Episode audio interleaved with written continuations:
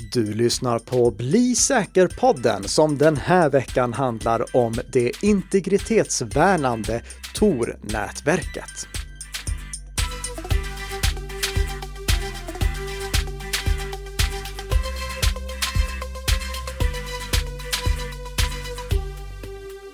Ja, god morgon, god morgon kära lyssnare, säger jag, Karl-Emil Nicka, från en ensam studio i Malmö. Vanligtvis har jag ju Tess Hamark här mittemot mig, men eh, Tess har gått och blivit sjuk, så hon är inte här. Hon hör väl det här avsnittet på fredagsmorgonen som alla ni andra istället, så då passar jag på att säga krya på dig Tess, hoppas att du mår bättre. Men vi kan självfallet inte ha ett avsnitt där bara jag pratar, så jag kommer alldeles strax att ringa upp veckans gäst eller veckans vikarie som kommer in och styr upp det här avsnittet som handlar om Tor-nätverket, Tor-projektet och Tor-webbläsaren. Och som vanligt så produceras det här avsnittet i samarbete mellan Nika Systems och Bredband2. Innan vi kommer in på veckans huvudämne så måste jag först bara ha med en veckans snabbis och jag tänkte att vi tar en snabbtitt på de säkerhetsuppdateringar som släpptes i tisdags på årets första patch-tisdag. Microsoft, de inledde året med att åtgärda 97 stycken sårbarheter, däribland 6 stycken nolldagars sårbarheter, alltså sårbarheter som redan var kända. Lyckligtvis har Microsoft inte sett att någon av de här sårbarheterna har använts i aktiva attacker, men bara för att det inte hade synts till fram till nu så är det inget skäl att ligga på latsidan med att installera säkerhetsuppdateringarna. Gör det snarast möjligt, inte minst för att bland årets eh, första patch-tisdags åtgärdade sårbarheter fanns en kritisk sårbarhet som Threatpost beskriver att kan användas i självspridande attacker, alltså i form av maskar. Microsoft skriver till och med att utnyttjandet av den sårbarheten är sannolikt, så installera säkerhetsuppdateringarna snarast möjligt. Adobe, de släppte också ett gäng säkerhetsuppdateringar till sina Creative Cloud-appar. De åtgärdade bland annat 26 stycken sårbarheter i Acrobat. Så se till att installera dem och alla andra säkerhetsuppdateringar som du möjligtvis har liggandes på vänt på din dator. Apple, de släppte en säkerhetsuppdatering till iOS och iPadOS dagen efter, alltså i onsdags. Och det är faktiskt en uppdatering som är värd att eh, nämna för att den åtgärdade en sårbarhet som fanns i HomeKit, alltså Apples lösning för att eh, styra hemmet, för att automatisera hemmet. Den sårbarheten kunde angripare utnyttja för att få offers mobiltelefoner och surfplattor att krascha. Säkerhetsforskaren som heter Trevor Spiniolas hade upptäckt att om han lät sitt HomeKit-hem heta en speciell sak och sen skickade en inbjudan till någon annan att vara en del av det HomeKit-hemmet för att kunna styra saker i det HomeKit-hemmet, då kraschade mottagarens mobiltelefon eller surfplatta när mottagaren accepterade den inbjudan. Det här är nu åtgärdat om man har installerat säkerhetsuppdateringarna som släpptes i onsdags. Men om du inte redan har gjort det, passa på att göra det snarast möjligt och tacka framför allt inte ja till några främlingars HomeKit-inbjudningar fram till dess att du har gjort det. I förra veckans podd, då sa jag att eh, vi troligtvis skulle gästas av Pontus Falk om två år igen för att följa upp hur det här med WebKey Directory gick. Men eh, Kära lyssnare, ni behöver inte vänta i två år, för eftersom Tess är sjuk så hoppar Pontus in som en räddande ängel redan den här veckan. Välkommen tillbaka Pontus! Stort tack! Och det är jag som tackar, så att jag slipper stå här ensam och prata om veckans huvudämne, Tor, The Onion Router. Eh, någonting som jag tror att många av våra lyssnare är väldigt intresserade av. Tor, det hör man ofta liksom när det handlar om the dark web, där de kriminella hänger till. Men Tor är mycket, mycket mer än så. Och jag hade ju en spaning i förrförra veckans avsnitt kring problematiken som uppstår ifall citat för många lökar läggs i samma låda. Och det är det vi ska prata om idag. Vi ska alltså inte följa upp WebKey i redan en vecka senare, men eh, vi ska prata om Tor och The Onion Router och vad det kan användas till. För att, eh, ja, vi tar det från början helt enkelt. låt oss ponera att jag som en vanlig användare vill besöka din webbplats Pontus, eh, systematik.nu. Jag går till den webbplatsen från min vanliga webbläsare. Vad kan du som driver den webbplatsen då se? Eh, jag ser ju din IP-adress. Jag mm. kan eh, egentligen nästan ner på, på adressnivå eh, se var i världen du befinner dig. Ja, det, du, du, ser liksom eh, utifrån min IP-adress så kan du använda en uppslagsdatabas där man kan få reda på ungefär var i världen den IP-adressen hör hemma. Ja, exakt. Ja, men du ser min IP-adress, alltså det som identifierar mig på internet. Och det, det, här är ju också någon som övervakar trafiken kan se ifall eh, någon, eh, om jag sitter på ett publikt wifi och någon avlyssnar det wifiet, då kan den som avlyssnar wifiet se att jag ansluter till Pontus webbplats och att Pontus webbplats skickar någonting tillbaka till mig. Eh, innehållet går inte att se för det är självfallet krypterat, men faktumet att anslutningen upprättas, den går att se för någon som avlyssnar. Och som sagt, Pontus som driver webbplatsen, han kan också se det. Samma sak, jag kan se att Pontus ansluter till min webbplats ifall han ansluter från sin dator till min webbplats. Jag kan se hans IP-adress. Det här är ju någonting som går att dölja genom att använda en VPN-tjänst. Och vi har pratat om VPN-tjänster flera gånger tidigare i den här podden.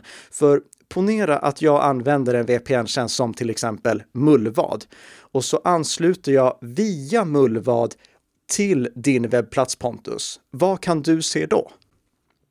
Ja, då ser jag att det kommer en besökare ifrån en Mullvad-server.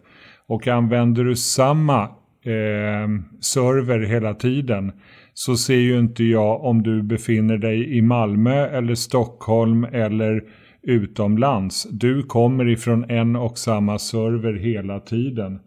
Omvänt, du kan befinna dig i södra Sverige och välja olika eh, VPN-servrar hos VPN-leverantören för att på så sätt dyka upp ifrån eh, olika delar av världen till min webbplats.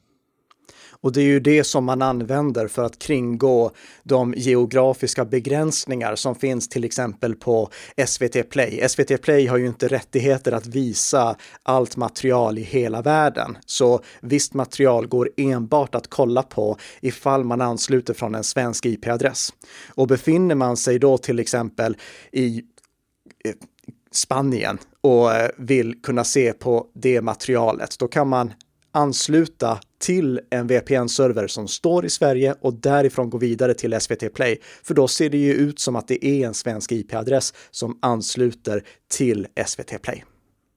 Och tillbaka till exemplet med eh, någon som avlyssnar eh, mitt eh, det publika wifi-nätet jag sitter på. Om jag ansluter till Pontus webbplats genom en VPN som till exempel Mullvad, då kan eh, den som avlyssnar nätverket enbart se att jag upprättar en anslutning till Mullvad, inte vad som händer sen. Så på det sättet så går det att dölja den trafik som eh, man ger upphov till på nätet. Men det finns ju fortfarande en aktör i det här sammanhanget som ser allt. och det är ju den som driver VPN-tjänsten. VPN-tjänsten ser ju både att jag ansluter in och vart jag ansluter vidare, vilket är anledningen till att vi tidigare har pratat om vikten av att använda en VPN-tjänst som går att lita på. För vi har ju sett flera exempel på VPN-tjänster som till exempel har påstått sig att nej, men vi loggar ingenting och sen så läcker de ändå massa loggar om vad deras användare har gjort på nätet. Det finns en sak till som skulle kunna läcka i de här VPN-sammanhangen. Och det, det, är någonting som är mindre sannolikt, men som kan hända ifall någon eh, statsunderstödd aktör är väldigt intresserad av vad man gör. Då skulle en statsunderstödd aktör kunna kolla på trafikmönstret som går in i VPN-servern och ut från VPN-servern för att försöka korrelera det till varandra och försöka lista ut vad det är som en specifik användare gör. Mycket svårare, men i teorin går det. Och det är ju därför vissa VPN-tjänster erbjuder det vi kallar multihop. Eh, vad är det för någonting?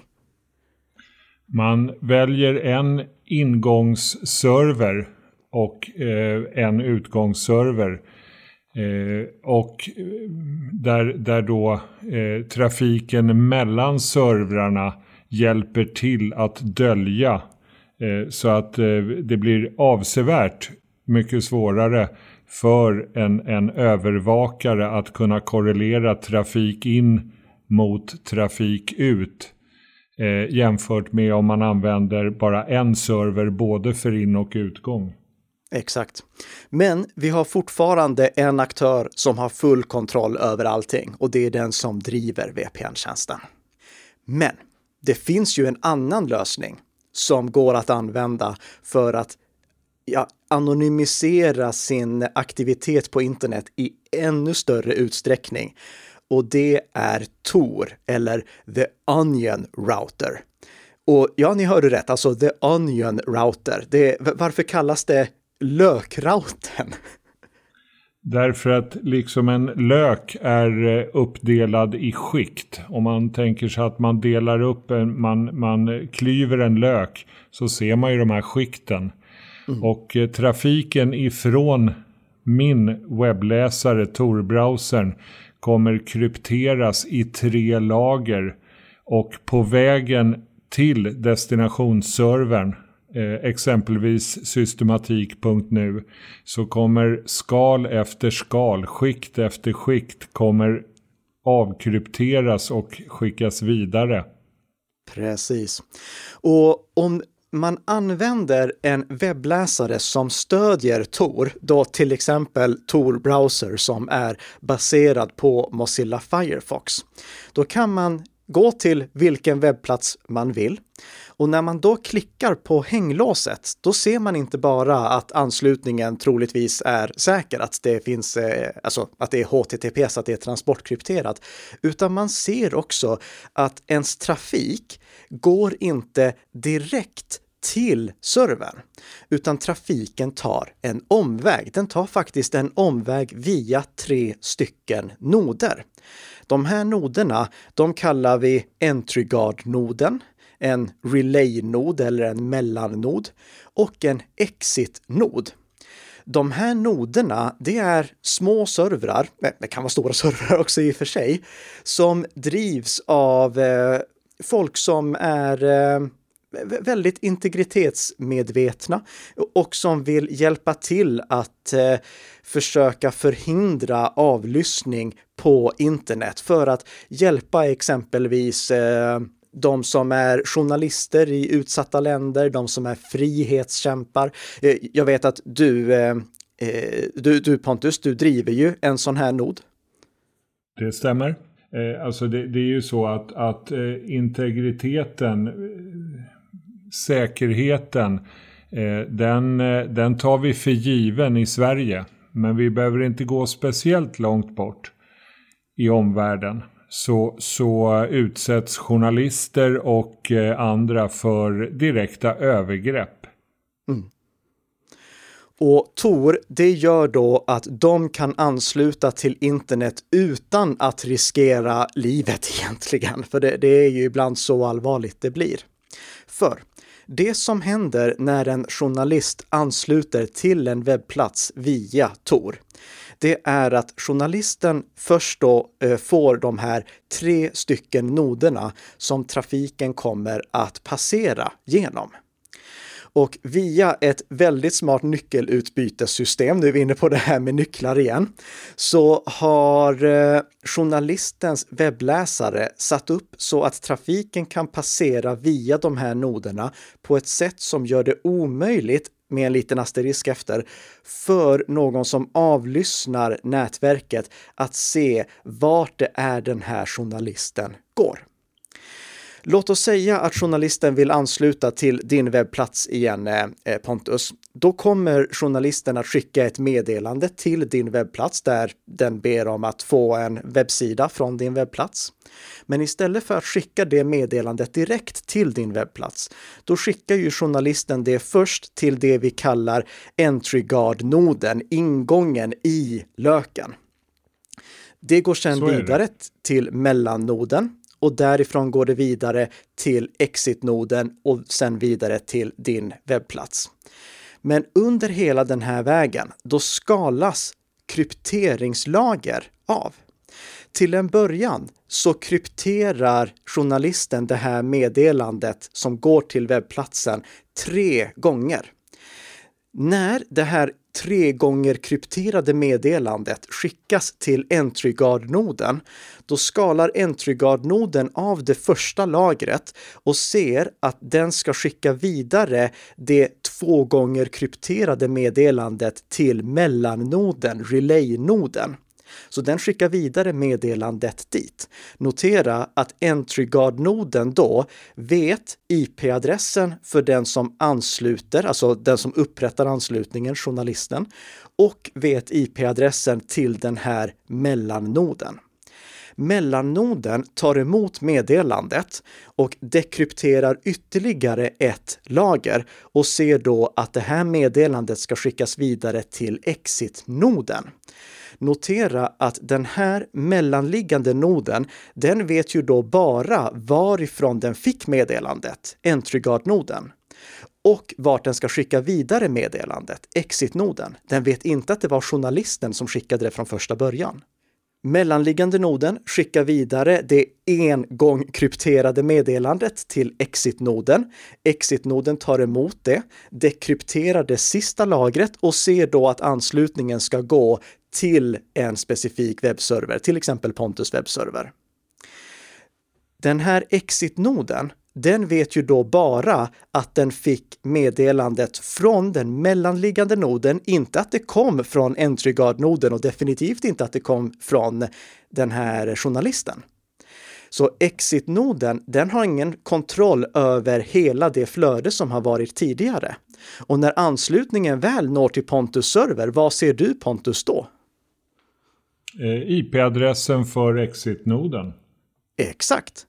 Och din server den skickar sedan tillbaka. Det här meddelandet, det krypteras lager för lager för lager, så att när meddelandet kommer tillbaka eller när webbsidan kommer tillbaka till avsändaren, eh, till journalisten, då är allting krypterat igen. Så att inte någon av de mellanliggande noderna kan se att det var journalisten som kommunicerade med Pontus webbserver och inte heller vad de utbytte med varandra. Det här låter ju otroligt smart, eller hur? Jag tror att alla som lyssnar på den här podden tycker att det åtminstone lät komplicerat, men också att det lät väldigt smart för att inte någon aktör i den här kedjan har full kontroll över vad det är som sker. Men det finns brister. Vilka brister är det som vi ser direkt här om en statsunderstödd aktör skulle vilja försöka de-anonymisera trafiken?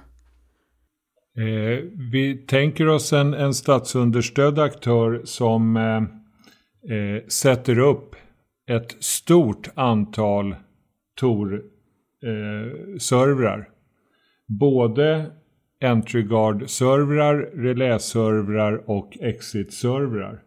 Då kommer ju en del av trafiken att gå genom en och samma aktörs servrar. Alltså det gäller ju här att, att det går genom olika aktörers servrar eh, för att det ska vara säkert. Om, mm. om, om det är en part som har kontroll på, på alla tre stegen, då är det ju inte säkert. Nej. Och det problemet som jag ser nu och eh, eh, som redan har rapporterats flera gånger om, det är att statsunderstödda aktörer köper kopiösa mängder tornoder, sätter upp tornoder för att ju fler noder som de kontrollerar, desto större är ju sannolikheten att de får tillräckligt mycket data för att antingen kunna anonymisera allting rakt av ifall det skulle vara så olämpligt att anslutningen går via tre stycken noder som alla kontrolleras av den statsunderstödda aktören. Eller åtminstone så många noder att de kan kontrollera trafikmönstret och använda trafikmönstret för att kunna lista ut vilken anslutning det är som börjar och slutar var. Det här problemet det kan vi ju egentligen bara lösa genom en kombination av två saker. Det första, det är att ha fler noder. Och det andra, det är att ha fler användare.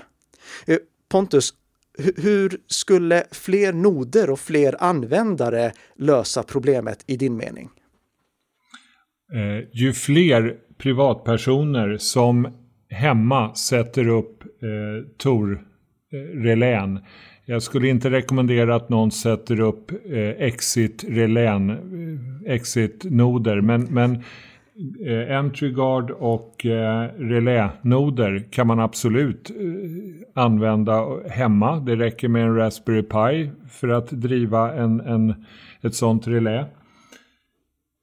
Ju flera sådana man får, desto större blir ju sannolikheten att, att eh, åtminstone en part, en av de här tre noderna, inte kontrolleras av en statsunderstödd organisation. Mm.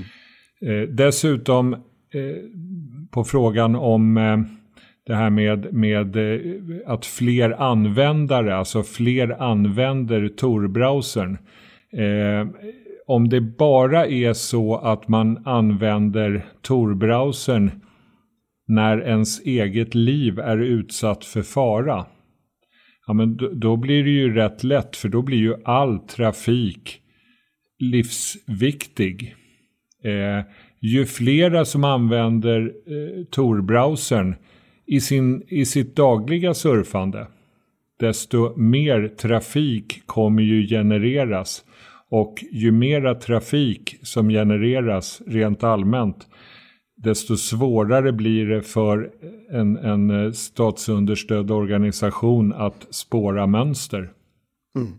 Det är liksom den trafik som de är intresserade av att spionera på, den drunknar i mängden av all annan trafik.